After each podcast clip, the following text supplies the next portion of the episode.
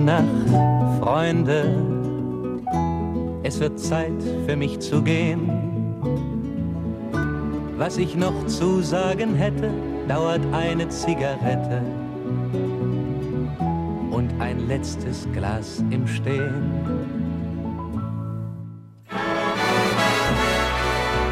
Dit is Het Beste uit het Oog. De wekelijkse podcast van NOS met het oog op morgen. Buiten is het 20 graden. Binnen zit Max van Wezel. Van harte welkom bij deze nieuwe aflevering van Het Beste uit het Oog. We hebben uit de uitzendingen van afgelopen week weer vier prachtige gesprekken geselecteerd.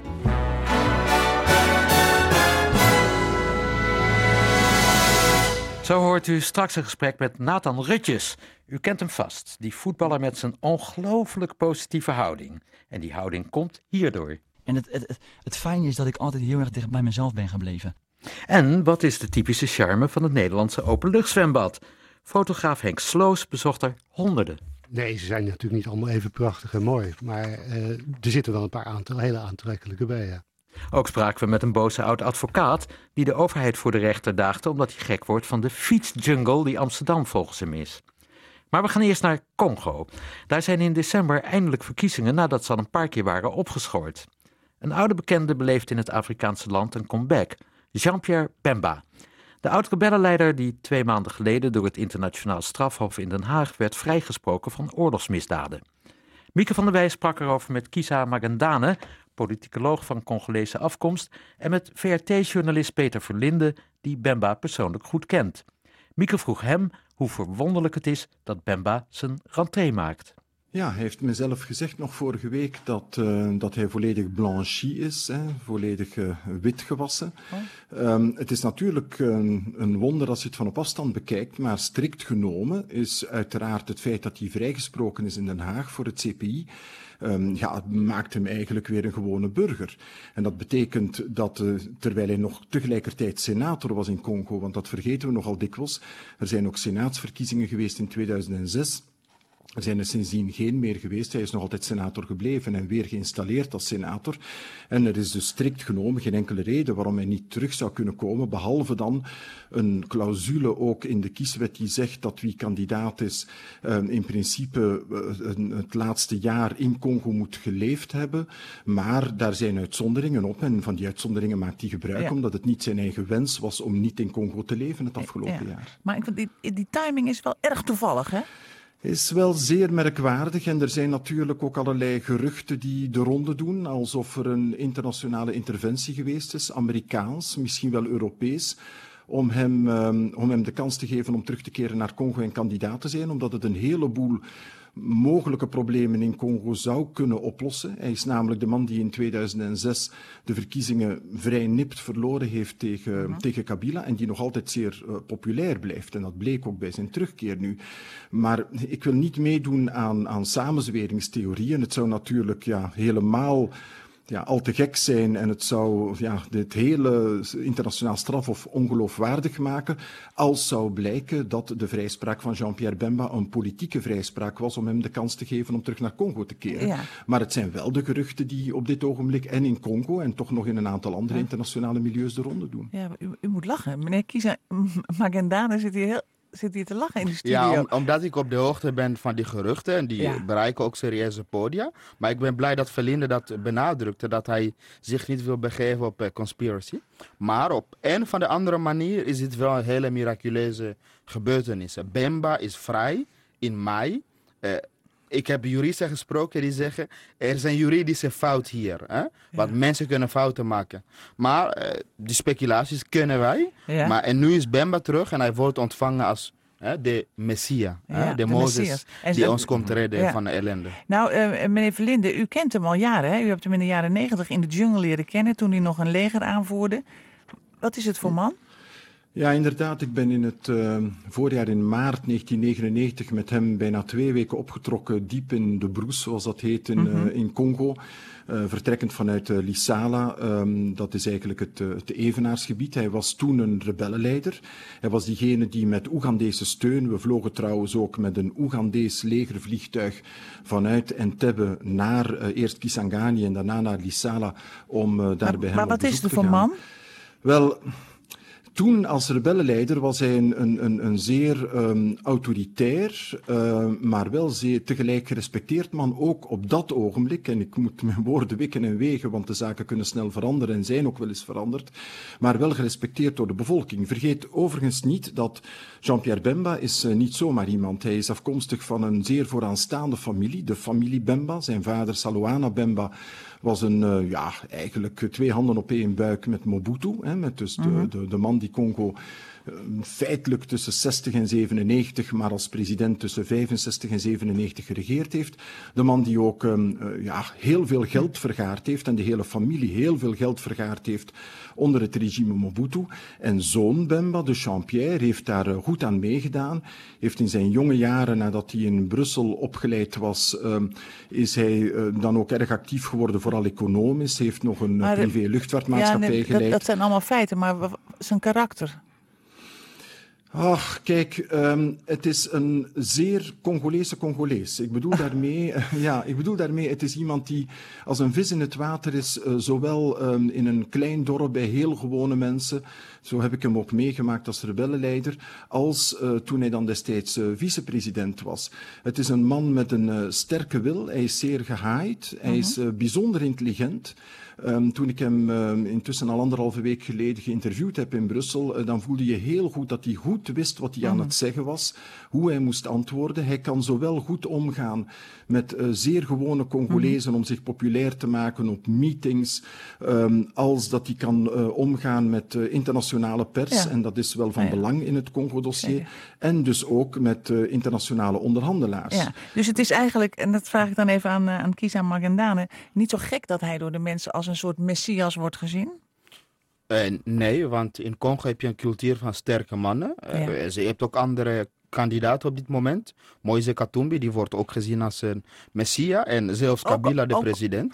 Die wordt Dus, eh, allemaal gezien als een messias. Ja, er, er is een traditie om mannen te verheerlijken. Dus de personificering van politiek is daar heel belangrijk. Maar Verlinde gaf natuurlijk een mooie achtergrond. Ja. Bemba is niet zomaar een man. Even, hij is wit gewassen inderdaad, maar het is Wat, wat, wat, bedoel, je, bekwame- wat bedoel je ermee met wit nou, gewas? hij, hij- was een crimineel, om het zo maar in die term eh, te noemen. En de rechter heeft besloten dat het niet zo is. Eh, maar hij behoort nu bij, ja, bij de tafel. Hij mag meedoen met de Champions League van de Congolese politiek, om het zo maar eh, te noemen. Maar zijn populariteit is dus wel onderdeel van een cultuur waar mensen honger hebben Ja. naar redding. Ja. En zij denken dat hij nu eh, daaraan bijdrage kan Denkt u leveren. dat ook, dat hij de redding kan betekenen? Uiteindelijk is alternans of eh, eh, wisseling van macht Mhm. sowieso belangrijk. Want de Kabila's eh, regering, Ja. nou, hij, hij moet sowieso weg volgens de grondwet. Maar zijn beleid na 17 jaar heeft niks toe- Nee. toegevoegd. Wie zou eh, volgens u de beste kandidaat zijn? Ehm, ja, ik heb geen mening, maar er is natuurlijk nu een peiling, eh, internationale peiling. Ja. en daaruit blijkt dat de oppositie serieuze kans maakt. Bemba, Tshisekedi, ook een hele belangrijke man. En, Kat en Katumbi zitten allemaal rond de 20 Mhm. Alleen het is nu de vraag of deze drie leiders met hun ego bereid zijn om samen te werken. Want dat is uiteindelijk de, de strategie van Kabila, net als de meeste autoritaire lei- leiders, om de oppositie uit te spelen. Maar het lijkt erop eh, dat Bemba tot nu toe de meeste kans heeft. Als eh, de overheid niet moeilijk doet. Want eh Feline noemde het al. Hij is een jaar eh, buiten geweest. Mhm. En tegelijkertijd wordt hij gezien beschuldigd van corruptie volgens Ja. de presidentiële meerderheid. Nou, Dus het is afwachten of de commissie hem eh, gaat toestaan. Jean-Pierre Bemba. Portret van een Congolese Congolees. De verkiezingen beloven nog spannend te worden trouwens en zorgen nu al voor de nodige onrust. In de hoofdstad Kinshasa kwamen aanhangers van Bemba in botsing met de politie, waarbij traangas werd ingezet. We houden het in de gaten.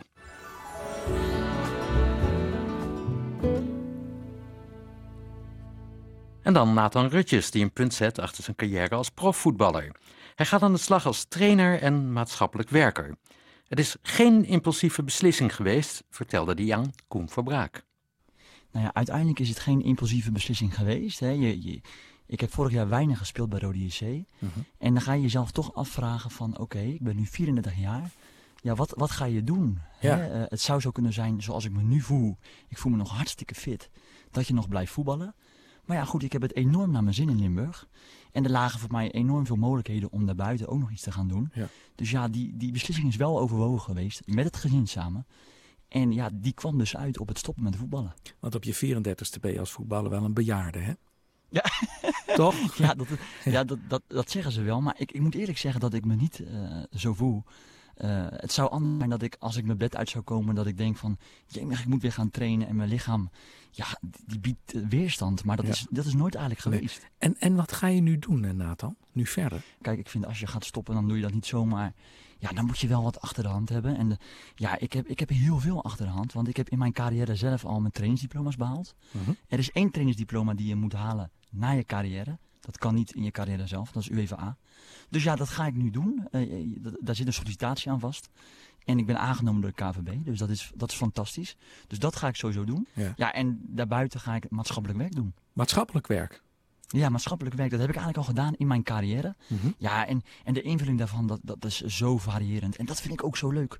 Want ja, dat, dat maakt dat, dat, je, dat je, ja, je komt weer in heel veel andere situaties. En ik vind ook heel veel dingen heel leuk. Dus ja, ik kijk daar enorm naar uit. Ja, je staat bekend om je enorme positiviteit. Nou, dat, dat, dat straalt ook door de, door de boxen heen. eh, Iedereen die Ja. hier naar luistert.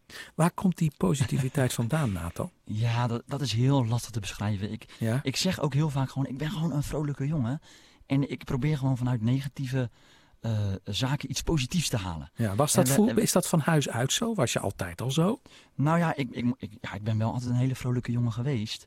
Eh, maar ik denk dat ik gewoon... Uiteindelijk ontwikkel je ook als mens. Hè. En ik, ik zeg wel eens, als je profvoetbal speelt...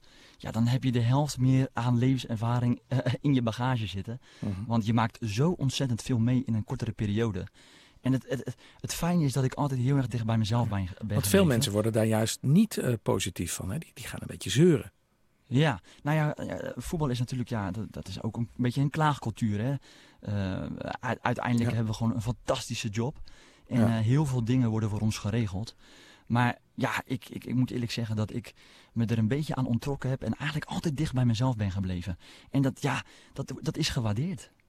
Maar hoe kijk jij terug op je voetbalcarrière? Je hebt, eh, dat moeten we toch al vaststellen, nooit een grote voetbalprijs gepakt bijvoorbeeld.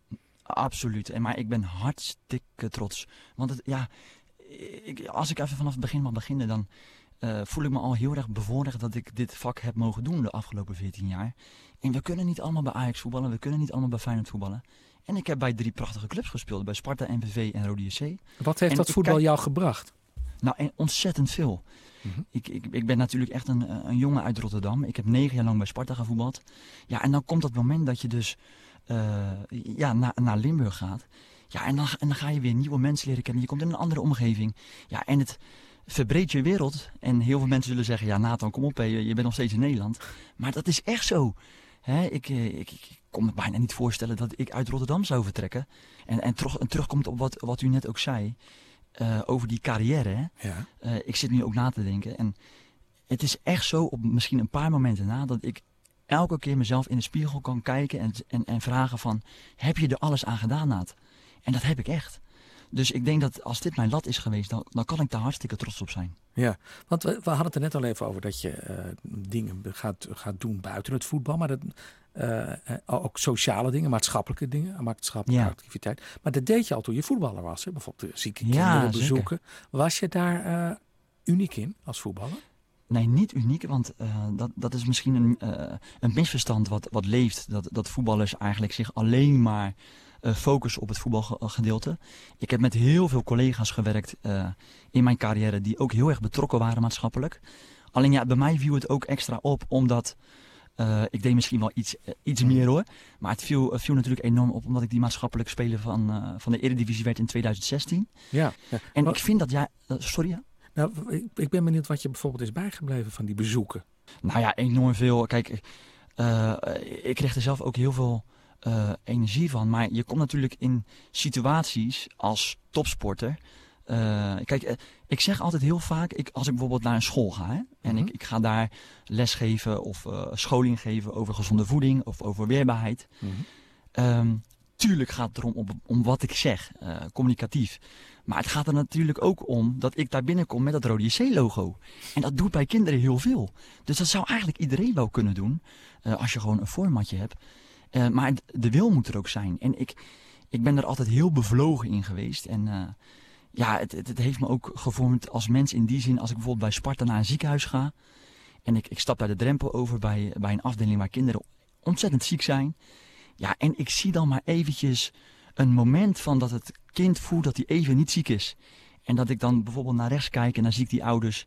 En dan gaat dat traantje over die wang heen. En ik zie die glimlach komen bij dat kindje. Ja, dat maakt je wereld. En dat is niet makkelijk. Hè, want in sommige situaties dat, dat ben je niet gewend. Nee. Maar uh, ja, aan de andere kant... Uh, ja, soms buiten je comfortzone trainen, dat, dat maak je als mens en, ook wel weer. En hou je dan ook contact met die kinderen bijvoorbeeld? Spreek je ze dan nou, nog wel eens een keer? Nou, zeker vanuit, uh, vanuit stichtingen en organisaties. Hè. Dus mm -hmm. uh, ik heb bijvoorbeeld uh, als, veel als gastspreker ben ik geweest. Nou ja, dan ga je op een gegeven moment wel een band opbouwen met mensen. En ik ben ook niet een jongen die dat makkelijk van zich af kan zetten. Dat ga ik wel nee. eerlijk bekennen hoor. Nee, nee. Ik ben wel iemand die best wel emotioneel is aangelegd. Ik ben ook heel impulsief, maar vooral emotioneel is aangelegd. En ja, ik, ik, ik geef altijd de ruimte aan, aan mensen om weer contact op te nemen. En dat doe ik zelf ook. Ja. Want wat, je zei al, ik wil trainer worden nu. Hè? Maar ja, dat, ja. Dat, dat vraagt toch misschien weer andere elementen van je persoonlijkheid. Oh, je moet dan ook ja, je ploeg absoluut. af en toe eens even pittig toespreken. Gaat dat lukken, denk je? Ja, nee, dat, dat kan ik ook zeker. Kijk, uh, deze jongen is natuurlijk ook uh, teleurgesteld en kan ook verdrietig zijn en kan ook boos zijn. Mhm. Mm -hmm. Alleen ik heb in mijn periode van de voetballerij uh, dat eigenlijk nooit getoond naar de buitenwereld. Tuurlijk zijn er momenten geweest dat ik in een kleedkamer kom en jongens aanspreken op hun taken. Um, oh, dat toch maar wel? Goed, dat is ook, ja, maar dat is ook onderdeel van het vak. Alleen ik vind, ja, als ik nu kijk bijvoorbeeld, ik, ik, ik heb ook heel bewust gekozen voor het SIOS, hè, die sportacademie, vanwege die pedagogische achtergrond. Ja. Dus het heeft altijd er wel in gezeten. En ik, ik denk gewoon dat er met ook nog de bagage als profvoetballer, dat daar, dat daar ja, heel veel mogelijkheden liggen. En dat ik ja, heel, met heel veel goede moed toekijk naar de, naar de, naar de toekomst. Nathan Rutjes was dat. Vervolgens sprak Koen met Frank Bakker, oud-advocaat die zich erg druk maakt over het gedrag van fietsers in Amsterdam. Hij probeerde deze week via de rechter af te dwingen dat de politie de verkeersregels beter handhaaft. Bakker luisterde ook alvast mee naar het gesprek met de altijd positieve en vrolijke Rutjes, maar daar had hij met zijn temperament weinig boodschap aan. Nou, ik hoorde iets wat dicht bij mezelf blijven en toen heb ik me afgehaakt. Oh ja? Ja, ik dacht al. Ja, daar word ik zenuwachtig van. van Gevoelsmatig dacht ik, het is toch een ander type dan u, hè? Ja, dat denk ik wel. Ja, ja, ja. Toch? Ja. Want wat zijn uw grootste ergernissen als het om fietsers gaat? Nou, kijk, het gaat er om. Eerst even heel specifiek. Het gaat er bij fietsers om, ze houden zich aan geen enkele regel. Ik dacht eerst dat het een voorrecht was van Amsterdam Centrum, maar ik heb inmiddels een 200.000 reacties gehad, waaronder een groot aantal van andere steden en uh, van mensen uit andere steden en die zeggen dat het bij hun ook gebeurt.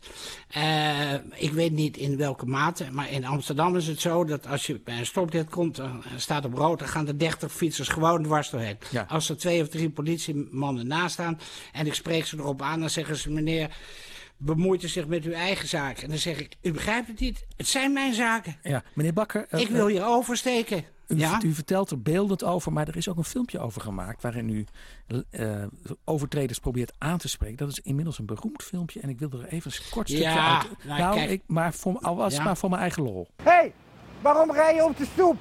Flaprol! Hé, hey, mevrouw, u rijdt door rood. Nog één, buitenom. Het staat op rood, het licht. Je moet stoppen. Je ook scheid aan iedereen. Het, het, het, het, het is in elk geval duidelijk, hè? U, u maakt van uw hart geen moord. Ja, ik ben altijd. Ik ben daarom bekend dat ik heel duidelijk ben. Maar dat flaprol, dat flapte er bij mij uit. Daar had ik Ja. niet over nagedacht. Ik had nog wel wat erge woorden in mijn vocabulaire. Maar ik ben heel blij dat ik dat niet gebruikt heb. Nee. Maar dat is toen opgenomen. En ja, zo, dat is uw vak. En, en dat werd uitgezonden en dat was lachen. Dat, dat woord heeft kennelijk iets. En toen is het nog een keer gebeurd. En toen, uh, ja, uiteindelijk kwam het bij mevrouw Jinek. En dan word ik s'nachts om 12 uur uit mijn bed gebeld. Je bent op Jinek. Maar ja, het woord, ik ben geen clown dit is gebeurd. Ik kom daar niet op terug. Ik vind mensen die door de rood drift rijden... en dat kan je niet zien... Ah, dat kan je in het filmpje ook goed zien... die dan hun middelvinger omhoog zeggen... ja, ik kan niet een stuk hout naar een kop gooien. Dat heb ik niet in mijn hand. Dus dan zeg ik... Maar als u het wel in uw hand had, dan deed u het? Dat weet ik niet. Ik, ik ben gewend om al, als, vragen, als vragen beantwoord niet... want ik weet het niet. Nee. Ik weet niet wat ik gedaan zou hebben. Maar ik vind het... Uh, ze roepen tegen mijn vrouw, als die zegt... u mag niet hier op de stoep rijden, dan roepen ze hoer. Ja, weet u, dat soort verbale dingen, het wekt een zekere irritatie op. Maar daar gaat het niet om. Het gaat ook niet over die fietsers. Het gaat over de overheid. Het gaat me om de nonchalance waarmee uh, in, in, mijn geval het Amsterdamse gemeentebestuur om te gaan, moeten gaan met voetbal, voetgangers. Oh ja. En soms met oudere voetgangers. Ik was vandaag uh, bij een, een, een wasserette en die mevrouw vertelde dat nog geen twee weken geleden is daar een mevrouw met twee tassen de deur uitgegaan. En uh, nou, tot de volgende week. Die wordt op de stoep binnen een halve meter dat ze uit die wasseret was, wordt ze aangereden. En dan rijdt zo'n mevrouw door, die roept nog, uh, had je niet moeten, had je beter uit kunnen kijken, trut. Dat is dan de manier waarop er dan gereed, gereed in Amsterdam. Die mevrouw is naar binnen gegaan, die hebben ze er water gegeven en die was versuft. Uiteindelijk is ze toch naar huis gegaan en twee weken later bleek dat ze, alle, dat ze twee ellebogen gebroken had. Ja. Dat is Amsterdam. Ja, maar meneer Bakker, met alle respect hoor, maar u, u, strijdt u ook niet een beetje tegen iets wat bij Amsterdam hoort. Het is ook, bedoel, het is gewoon nee, soort, natuurlijk nee, maar mag ik even mijn vraag afmaken? Het is ook een soort ja. anarchisme, dat hoort toch gewoon bij de stad ook, op die fiets. Ja, maar nou gaat u wel heel veel. Je gebruikt nou het woord anarchisme. Ik zou het eens opzoeken als ik u was. Ik weet precies wat het betekent. Vrijheid, Hè? Ik weet precies wat het betekent. Ja, precies wat u nu zegt. Nou, ik ben altijd geneigd om dingen dan weer toch eens in een woordenboek op te zoeken. Uh, tegenwoordig in, uh, in Wiki, maar dat doet er nou niet toe. Waar het om gaat is, natuurlijk is Amsterdam een hele bijzondere stad. Al eeuwen der eeuwen, uh -huh. waar een zekere vrijheid uh, kenmerkend is voor de sfeer in de stad. Dat is ook goed. Maar dat wil toch niet zeggen dat je de rechten van anderen kan overtreden? Laten we even over het juridische aspect gaan praten. Uw nieuwe burgemeester Femke Halsema heeft nu voor de Ja. Wallen een lik op stuk beleid geïntroduceerd. Hè? Vindt u bij Ja. haar een luisterend oor? Dat weet ik niet, want ik weet niet of ik het bij haar ga aankaarten. Maar het voorbeeld wat u geeft, dat is wel frappant. Eh, ik heb dat een beetje gevolgd in het Parool en de NRC. Mhm. Het is een no-go area, zelfs voor de politie. Alleen Ja. dat woord is, dat durven ze nog niet gebruiken, de journalisten. Wat, wat de maar er ombudsman laat zei. rechteloosheid in de wallen. Wat de U ombudsman laat zei. Nou, allerlei, allerlei instanties die zeggen, dit is een... eh, Mag ik nog één voorbeeld geven? Ja, gaat u gang. In antwoord op uw anarchie. Ik volg eh, met stijgende verbazing de berichten over de Amsterdamse brandweer. Ja, ik dat ook is hoor. volledig uit de hand gelopen. Ja, maar dat heeft niet zoveel met het fietsen te maken, lijkt me, toch? Nee, het gaat ook niet om fietsers. Het gaat om handhaving van wettelijke voorschriften. Ja. Er staat gewoon in de Wegenverkeerswet waar je moet stoppen en waar je mag doorrijden. Fietst u zelf eigenlijk u wel eens? Nee, ik kan niet fietsen. Oh? Komt dat? Nee, ik heb twee gaten in mijn Achillespees. Ja, niet, niet open gaten. Maar ik heb door, eh, misschien door verkeerd medicijngebruik... eh, dat is nog niet, dat is een ander verhaal. Dat ga ik hier niet voor de Nee. radio vertellen. Hoe schat u in dat dat afloopt morgen? U bent de 84ste die dat vraagt. Daar kan ik heel kort op zijn. Namelijk? Als ik dat zou weten, dan was ik in een ander vak gegaan. Als ik in de toekomst kon kijken, dan was ik niet in de advocatuur gegaan. Maar ik kan u wel dit zeggen. Ik ben bijna 40 jaar advocaat geweest. Ik ben nog nooit één zaak begonnen waarvan ik wist dat ik hem niet kon winnen. Tegenwoordig is dat met die grote kantoren, zijn ze er heel makkelijk in. Als ze maar uren Ja. kunnen schrijven. Maar ik heb nog nooit een zaak gedaan waarvan ik zeker wist dat ik hem verloor. En dat geldt ook voor deze twee zaken. We gaan het allemaal in grote spanning afwachten verhaal. in elk geval. Meneer Bakker? Ja, het is ook nog mogelijk dat die president, eh, zo noem ik hem toch maar, in Den Haag zegt... u heeft gelijk, maar om juridisch technisch rijden kan ik niet dit of dat. Dat kan ook nog. Maar de politiek is nog niet van mij af. Hey, flapdrol. De rechter heeft inmiddels geoordeeld trouwens en Frank Bakker heeft geen gelijk gekregen. Volgens de rechter moeten ordehandhavers nou eenmaal keuzes maken in hun werk en tja, dat verkeersdelicten dan niet de hoogste prioriteit krijgen. Zelfs burgemeester Halsema werd betrapt toen ze op de fiets door rood reed. En dan mijn lievelingsonderwerp van afgelopen week. De Nederlandse openluchtbaden deden goede zaken dankzij de droogte en de hitte van deze zomer. Fotograaf Henk Sloos kent die baden als geen ander, want hij bezocht ze voor een speciaal project. Aan Chris Keijnen vertelde hij in hoeveel van die baden hij ook een duik heeft genomen. Dat zal ongeveer 120 zijn. 120. En dat zijn allemaal prachtige, ouderwetse, mooie, klassieke openluchtzwembaden zoals waar ik ben opgegroeid. Was dat maar waar. uh, nee, het zijn om te beginnen wel allemaal openluchtbaden. Ja. Uh, nee, ze zijn natuurlijk niet allemaal even prachtig en mooi. Maar uh, er zitten wel een paar aantal, hele aantrekkelijke bij. Ja. Noem er eens een paar. Noem je, noem je favorieten. Ja, mijn favorieten. Nou, ja. Ehm, het Vermanenbad heeft een buitenbad in Rotterdam. Wat eh, helemaal omcirkeld is door acht verdiepingen hoge woningen, zodat je als je aan het zwemmen bent, uh, keurig netjes op de balkons kunt kijken en zij op jou. Hm. Dat vind ik leuk. Hm. Uh, en dat is pas gerestaureerd, ziet er prachtig uit. Het Tuindoorbad in Hengelo, in de vijver, is een natuurbad, gerund door vrijwilligers. eigenlijk de afgelopen 90 jaar niets aan veranderd, behalve dat het perfect gerestaureerd is. Is het de oudste ook, hè? Dat ik ergens nou, nee, het is niet de oudste. Nee, dat is, het oudste openluchtbad is ergens in de buurt van in Utrecht langs de Vecht. Hm. Maar dat, dat, is een natuurbad wat, wat, ja, wat een groot deel van zijn uh, oorspronkelijke bebouwing niet meer heeft. Dus dat, dat tikt niet zo erg aan. Uh, het uh, Zwolse openluchtbad is prachtig. En zijn dat allemaal uh, van die openluchtbaden zoals ik ze uit mijn jeugd uh, herinner? Mijn moeder ging gewoon altijd met de lunch naar het zwembad uh, vanaf, vanaf mei zo'n beetje. En ik ging uit school naar het zwembad en terug naar school. Um, met met een, een, een, bad en misschien een voorverwarmingsbad en in ieder geval een groot grasveld erbij. Ik bedoel, hoe zien ze eruit? Hoe ziet het openluchtzwembad in Nederland eruit? Ja, nou, het moderne openluchtzwembad, of althans het aangepaste moderne openluchtzwembad, dat heeft heeft uh, eerder een glijbaan dan een hoge duikplank. Die zijn doorgaans verdwenen. Maar... Uh, je bedoelt, uh, nu zijn er glijbanen. Vroeger nu was zijn er. Ja. Vroeger was er de duikplank. Nou, zo lang mogelijk springen op Precies. Ja. Kijk hoe dicht langs je randje kan. Ja. dus dat is een groot verschil. Uh, Ola heeft uh, de architectuur overgenomen van de cafetaria's. Dus dat is blauw, wit, rood met parasols en aanverwante artikelen en prullenbakken. um, ja, het is... Spekkies. Ja, precies. Ja, ja. ja, patat en ijs is er eigenlijk ook nog altijd okay. wel. Dus die, die elementen zijn er allemaal nog wel. Um, ja, de, die, die, die duikbank mis ik wel, moet ik je zeggen. Want dat was toch een beetje waar de jongens uh, zich scheiden van de, ja. van de meisjes eigenlijk. Ik wou zeggen de mannen van de uh, jongens. Maar het waren wel jongens. Dus de, er is wel sprake van enige vertrutting. Ja, want, want ik kom bijna nooit meer in een zwembad, moet ik zeggen. Ik, zwem in open water, maar niet in een zwembad.